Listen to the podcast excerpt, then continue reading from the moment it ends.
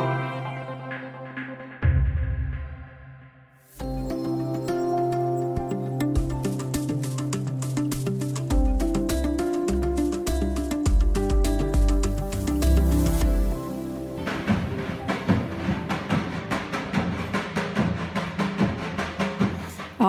så här låter en typisk turkisk ramadantrumma som spelas på gatorna för att väcka fastande så att de går upp för att äta innan soluppgången. I år sammanfaller två veckor av den muslimska fastemånaden ramadan med den kristna fastan innan påsk. I dagens Studio DN om fastans betydelse och traditioner. Välkommen, jag heter Ylke Holago. Och nu har jag med mig Nadja Jibril, reporter på Dagens Nyheters Malmö-redaktion. Hej Nadja! Hallå! Du har skrivit eh, om den muslimska och kristna fastan i Dagens Nyheter. Vad, vad var det du ville skildra genom att berätta om de här två traditionerna tillsammans? Ja, det var ju ett roligt tillfälle att eh, det under i alla fall en kort period eh, sammanföll. Alltså att de här två fastorna sammanföll, så det tyckte jag var lite roligt. Eh, men det som var intressant under arbetets gång var ju också att det blev väldigt tydligt att man eh, har väldigt mycket gemensamt. Väldigt liknande tankegångar kring varför man fastar. Men också väldigt olika sätt att se på dessa fastor utifrån. Som den muslimska fastan till exempel, den har väldigt många åsikter om och tankar om och förstår inte alls. Medan den kristna fastan känner man nästan inte till. Och om man får reda på att en kristen person fastar så kan det väcka intresse och alltså att man blir lite nyfiken och tycker det är spännande. Så jag tyckte att det var lite roligt att eh, få visa på att fasta, det finns egentligen i alla de stora världsreligionerna, men de kan se olika ut.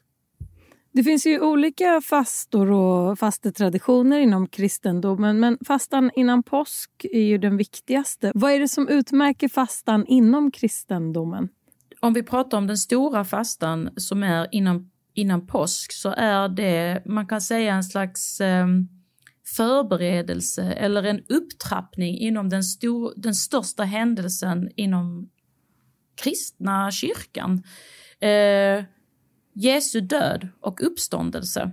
Så om jag skulle försöka så här, hobby eh, teoretisera över det här utifrån mitt eh, perspektiv så är det tension and release. Hur översätter man det bäst på, eh, på, till svenska? Anspänning och eh, sen släppa taget eller slappna ja. av kanske? Något åt så att man förbereder sig för en väldigt stor händelse och eh, då är det ju också så att den här fastan den handlar inte bara om, man var, om att man avstår någonting utan också att man bjuder in något annat. Att man läser mer, ägnar sig mer åt sin andlighet, bön. Ja, man förbereder sig för den här stora händelsen som utgör grunden för den kristna kyrkan. Och Vilka är de stora milstolparna inom den kristna fastan? Man, eh, man kan säga liksom att eh, det börjar med fastlagen faktiskt. Eh, tre dagar innan påsk så har man ju tre dagar för förberedelse inför fastan och den, de tre dagarna brukar vi avsluta med att äta en semla. Det är liksom sista chansen att eh, tjocka till sig lite innan man ska eh, öva sig i avhållsamhet eh, av olika slag. Men sen så inträffar den första fastedagen, den heter askonsdagen och den dagen har fått sitt namn efter en gammal kristen sed eh, som, utgår, som går ut på att man strör aska på de som kom till kyrkan och lyfter fram sina synder. I den katolska kyrkan så kan prästen ge eh, gudstjänstdeltagarna, alltså de som vill, också även inom vissa eh, svensk, eh, kyrkor inom Svenska kyrkan. Och då, då, gör, då görs det ett kors i pannan på den personen eh, med den här askan. Alltså man doppar tum, prästen doppar tummen i askan och, eh, och gör ett kors på eh, Eh, deltagarnas eh, panna och det liksom symboliserar Jesus vandring mot korset och vandringen genom död till nytt liv. Så det markerar starten, askonstan. Sen har vi ju skärtorsdagen och den eh, infaller ju under fastans sista vecka som också kallas för stilla veckan. Då äter Jesus den sista måltiden tillsammans med sina tolv lärjungar. Det är denna natt som han blir förrådd och gripen av romerska soldater. Och eh, om man då översätter det till vad som händer i en kristen kyrka idag i Sverige så avslutas den mässan på skärtorsdagen med att man plockar bort alla ljus, blommor och textilier från altaret och kyrkorummet som en förberedelse inför långfredagens allvar. Jag, jag kan prata länge om det här Ylko. Mm. Du hör det. Men jag måste berätta om långfredagen också för den är jätteviktig. Kör. Mm. Det är då dagen då Jesus blir korsfäst. Och eh, då tänker man ju, Gud är död. Han har dött och det är ju, det är ju en stillsam och tyst dag i kyrkan. Ofta används inga instrument i musiken, kyrkklockorna ringer inte. Eh, Karina eh, Brink, en präst eh, som vi ska prata om lite mer, som arbetar på en, i en kyrka i Lund. Hon säger ja, men ofta så, alltså den är ju stängd då till och med, kyrkan. Det är verkligen liksom så. Men sen på påskdagen, då uppstår ju Jesus från döden. Och då är det liksom mycket firande och så. Och inom då den katolska kyrkan, då är natten mellan påskafton och påskdagen otroligt viktig. Ehm, det är där liksom fastan slutar i och med den här händelsen som är att ja, men Jesus lever, glädjens besked, den där kontrasten mellan återhållsamhet, förberedelse inför att något hemskt ska hända och så då release. Nu firar vi, han lever, ondskan, liksom godheten har vunnit över ondskan, eh, livet över döden. Du nämnde ju här Karina Brink som är präst i Svenska kyrkan eh, och leder en församling i Lund. Hon beskrev fastan i förändring, hur den har sett ut förr och nu. Vad, vad, berättade hon om det? Att, att den kristna fastan, även inom protestantismen, också varit mycket mer matcentrerad. Eh, men att den nu kan handla om andra saker. Som hon själv fastar ju på ett sätt i år att hennes fasta handlar om att hon ska äta upp sina rester. För att då så gör hon också någonting eh, för sig själv. Hon lär sig att ta vara Eh, på eh, det hon har köpt hem, inte kasta sånt som är dugligt och lär sina barn det, så som hon beskriver det alltså då. Men det är också en, en eh, god handling gentemot miljö och eh, naturen. Vi, vi ska inte, det, det, är slöseri, vi ska inte leva så. Eh, så, att, så att man kan ju tolka den här, det finns ju en valfrihet inom den kristna eh, svenska kyrkan som är liksom hur ska jag förklara den? Den är ju på ett sätt, eh, man kan tänka att den är lite, ja men åh vad mesigt eller det, är det ens lönt? Men i den valfriheten finns också en eftertänksamhet eh, och en medvetenhet. Jag gör den här handlingen och så gör jag den fullt ut och den betyder det här för mig och därför blir det min fasta. Och vi nämnde här också att det finns olika förgreningar inom den kristna kyrkan såklart och bland vänner och bekanta och vår eh, producent Palmira eh, så har vi snackat också om hur, eh, hur våra eh, till exempel syrianska vänner från den eh, ortodoxa kyrkan, ortodoxa traditionen kanske har en mer vegansk kost som en, en del i att eh, fasta. Palmira berättade, har berättat för oss också om när hon var i Addis Abeba där man på restauranger kan välja om man vill ha fastemenyn eller en vanlig meny och då är fastemenyn består av eh, vegansk kost. Så det finns ju många olika eh, Eh, sätt att fasta inom eh, kristendomen också förstås. Exakt, Men... och här, jag skulle bara säga detta Ylke, att också inom den katolska kyrkan, för vi träffar ju också en, en, en man, Lave, som är väldigt hängiven katolsk man. Och eh, han, eh, eh, han var ju så här när vi träffades, nu har du kommit och, och, pratat med mig för att du ska liksom slå fast att vi inom den katolska kyrkan är strikta och stränga. Men egentligen råder valfrihet också här alla de råden som vi ger, alltså som, som finns inom den katolska kyrkan som handlar om då fastan, den är ju, det ser man ju på som hjälp eller som någon slags vägledande eh, råd. Hur beskrev han sin egen eh, fastepraktik? Och det här är intressant. Han ville inte berätta hur han väljer att fasta i år. För han tycker att det finns en slags integritet i eh, eller han vill behålla en slags integritet i det här att detta gör han för som en handling som bara ska finnas mellan honom och Gud. Man ska inte skylta med sin fromhet. Um, Karina Brink hon beskrev ju eh, också olika fastetrender i, i sina kretsar. Vad, vad var det hon berättade om hur eh, hennes församlingsmedlemmar eller bekanta eh, gjorde under fastan? Ja, hon sa ju det att lagom till askonsdagen, som vi nu alla vet eh, vad det är, första dagen på den stora fastan. Så lagom till askonsdagen så ser hon ju då i sina sociala medierflöden flera som eh, lägger upp eh, en kort text eh, där de säger att nu checkar jag ut, nu ska jag fasta från sociala medier. Då har ju de här människorna tänkt, vad är det som stjäl mest tid i mitt liv? Vad är det jag gör istället under den här perioden då? Vad gör jag istället för att ägna mig åt att närma mig Gud? Ja, men sociala medier kommer i vägen, jag döskrollar. Ja, men då fastar jag från det ett tag. Så det kan ju vara en metod. Mm, det har jag sett bland många muslimska vänner också. Karina Brink hon, hon sa så här till dig i din intervju. Är man muslim så vet man vad som förväntas av en under ramadan oavsett om man väljer att fasta eller ej. I den kristna världen finns inga strikta bud, det handlar mer om råd. Och då vill jag höra vad du tänker om på vilket sätt är den muslimska fastan mer tydlig? Alltså det är ju också precis som hon säger att, eh, eh, och detta som vi har pratat om, att eh, inom den kristna kyrkan handlar det om råd, men det finns ju faktiskt ett påbud. Eh, fastan i den muslimska världen, det är en av islams pelare.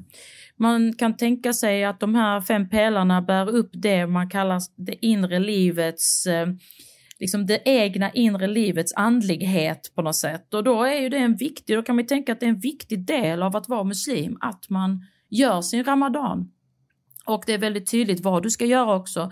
Du ska äta innan gryning, hålla dig borta då från vatten och mat, men också sex och tobak under dagens ljus, dygnets ljusa timmar. Och sen när solen har gått ner så får du äta. Det är väldigt, väldigt tydligt. Du har också intervjuat eh, Andreas Hasslert som är praktiserande muslim och han beskrev fastan för dig med ett eh, Rumi-citat. Så här. Hur ska vassflöjten kunna spela vackert om dess innanmäte är fyllt? Hur förklarade mm. han den här liknelsen? Han menar att man kan inte få allting. Det är en konstig tanke att vi tror att man ska kunna bli uppfylld av andlighet och komma närmre Gud om man inte också gör avkall från någonting. Och det går ju igen till de här tankarna om sociala medier fasta också om du tänker efter. Alltså du kan ju inte ägna dig åt det som man i många religioner då hävdar ska skapa en gudsmedvetenhet och liksom få en att närma sig Gud genom att läsa böcker, genom att, eh, det behöver inte bara vara de heliga skrifterna, det kan ju vara andra böcker. Eller att möta andra syskon i tron om man vill. Eh, säga, säga, använda de orden. Istället så sitter du och scrollar. Då fylls det ju på med ett innehåll som inte syftar till att eh, eh putta dig i rätt riktning så att säga. Så det Andreas menar är att man måste sätta stopp för vissa saker. Man måste säga nej till vissa saker för att aktivt kunna bjuda in annat. Jag gillade det här citatet i din artikel också. Alltså, man måste tömma vassen från sitt mjuka, skummiga, meningslösa innehåll för att kunna göra en flöjt. Ja. Vi hörde ju det är lite hårt också. Vi hörde ju turkiska ramadantrummisar här i början och deras jobb är alltså att väcka fastande så att de går upp för sahur alltså måltiden innan solens eh, uppgång. För som vi har nämnt här, den eh, muslimska fastan, då äter man bara före solens uppgång och efter nedgång. Vilka är de andra viktiga milstolparna inom fastemånaden ramadan? När man då skådar den här månskärvan som markerar starten på månmånaden ramadan, då är det dags. Och sen så fastar man i 30 dagar. Och under tiden så det händer ju, det händer ju mycket liksom i det vardagen där man får komma hem och bryta fastan hos vänner, vänner får komma hem till en själv och så. Sen är det ju många som ägnar sig mer åt bön eh, går till moskén efter att man har bry brutit fastan, delat en måltid med sina vänner och går de till moskén och så ber de långa, långa böner tillsammans. Men sen är det ju också det här igen, tension and release. En månad av återhållsamhet exploderar i en jättefest. Tre dagars festlighet, Eid. Ehm, um, Idul Fitr som kommer då efter de här 30 fastedagarna. Och då är det ju också så att igen, i likhet med det kristna budskapet egentligen, att du fastar ju inte bara för dig själv. Du gör ju också någonting för andra, annars är det ju inte lönt. Det finns inget självändamål i att bara späka sig själv. Och där så finns det ju då den här, då kommer det en av islams andra pelare och det är ju ge zakat, allmosor. Man uppmanas som muslim, också det är ett påbud skulle jag säga, att ge en viss procent av det värdet eh, som man då tänker att alla ens ägodelar består av. Och de procenten ska man ge till fattiga.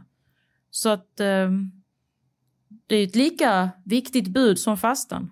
Andreas Hasslert eh, pratade om att fokuset på mat och dryck eh, under ramadan kan ta bort fokus från fastans viktigaste budskap. Vad, vad menade han? Vad är det han saknar och skulle vilja lyfta fram mer? Mm, det är två saker. Dels vad fastan gör för ens andlighet. Ja, men det här med vassflöjten, vad betyder det? Att, att tömma sig på något för att ge plats åt något annat. Då blir ju mat och dryck bara en symbol. För jag menar, det, är ju inte, det finns ju ingen, det är inte som att andligheten sitter i magen. Alltså att du tömmer dig, dig, dig, dig på mat för att fylla på med andlighet, utan det handlar om det här medvetna valet och hur du hanterar fastan. Att inte, han menar ju, och det vet jag inte om det blir så tydligt i artikeln, men han menar ju liksom att man bryter sig fast om man inte kan hålla humöret. Om man beter sig dåligt, liksom att man inte kan hålla humöret på grund av sin hunger så har man inte riktigt heller förstått vad fastans, vad det innebörden är. Och sen så handlar det ju också om en annan sak och det är ju att de flesta av oss äter för mycket, menar han. Um, man skulle kunna klara sig på mindre. Den här rädslan som vi har. Jag kommer inte få tillräckligt med mat, jag kommer inte få tillräckligt med mat. Den kan man ju också förstå om man verkligen inte har tillgång till mat. Men det är ju väldigt konstigt att vi som är så privilegierade idag inte kan frigöra oss från den rädslan, då litar man inte heller på den tryggheten som man har. Då, då är man inte heller tacksam för de gåvor man har fått. Så kanske man måste bli lite påmind om det. Så det är en övning, det är en mental övning egentligen, men där man använder ett verktyg i den här verktygslådan, så som han också beskriver det, att, att då fasta. Men hur skulle du beskriva fokuset eh, på mat under ramadan? Jag tänker på olika men, sociala mediedelningar där man visar då hur man lagar olika fina rätter eller går och handlar och sådär. vissa, eh, ja, men, vissa maträtter hamnar i fokus beroende på vilket land man kanske har eh, rötter i och så vidare. Vad, vad tänker du på om du skulle bara beskriva matfokuset och hur det uttrycker sig för någon som kanske inte mm, känner troende muslimer. Det, blir, det är också två saker där, att det blir matfokus utifrån. De som blir provocerade av Ramadan är så, men man kan ju inte bara låta bli att äta och dricka sådär. Vad är det för någon eh, religion som förespråkar något sånt? Det är liksom en sak. Sen så finns det ju matfokuset inifrån communityn där det är så här, man är hungrig, det är ju tension and release också där. Man kämpar under dagen, under kvällen när man bryter fastan. Ah, man delar den där måltiden, gud vad trevligt det är, vi har klarat det här tillsammans, wow så duktiga ändå vi är som gjorde det här, vad mysigt att få sitta här och slappna av och liksom njuta av den här releasen. Men sen skulle jag också säga att det handlar om hur man ser på sin religion. Är det en praktik du har för att närma dig Gud? Det är en sak. Den kan finnas i kombination med gemenskap med dina syster och bröder i tron.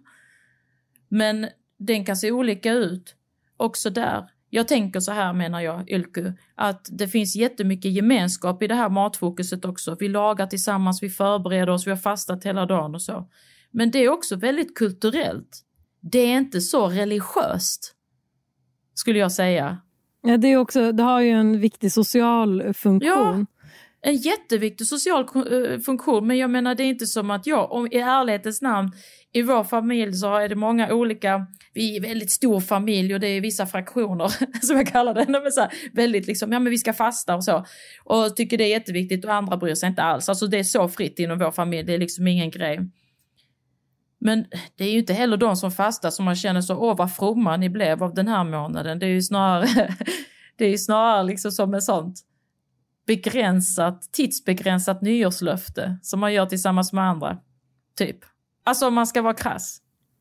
Både Karina och Andreas som du har intervjuat fastar eh, samtidigt som de upprätthåller ett eh, vardagsliv. Avslutningsvis här, hur upplever de att eh, omgivningen ser på deras fasta?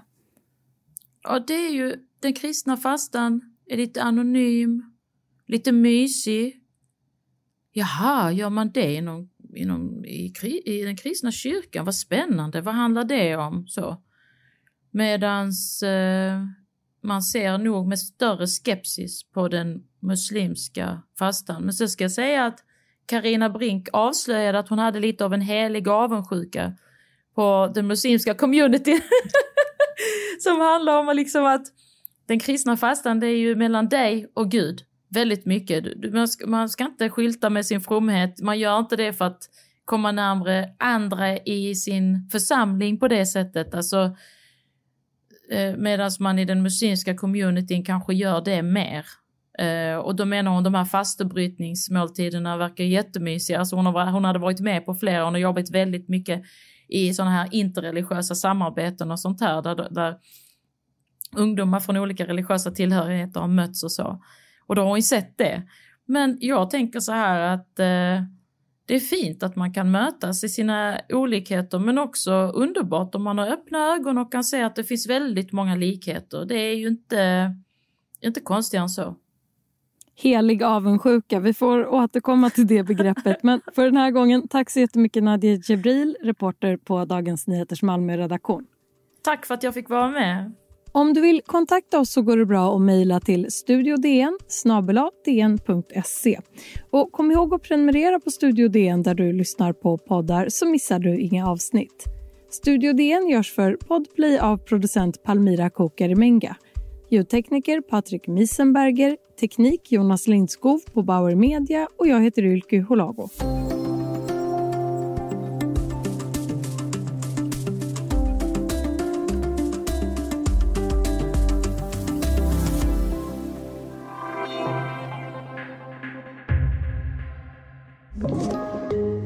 Podplay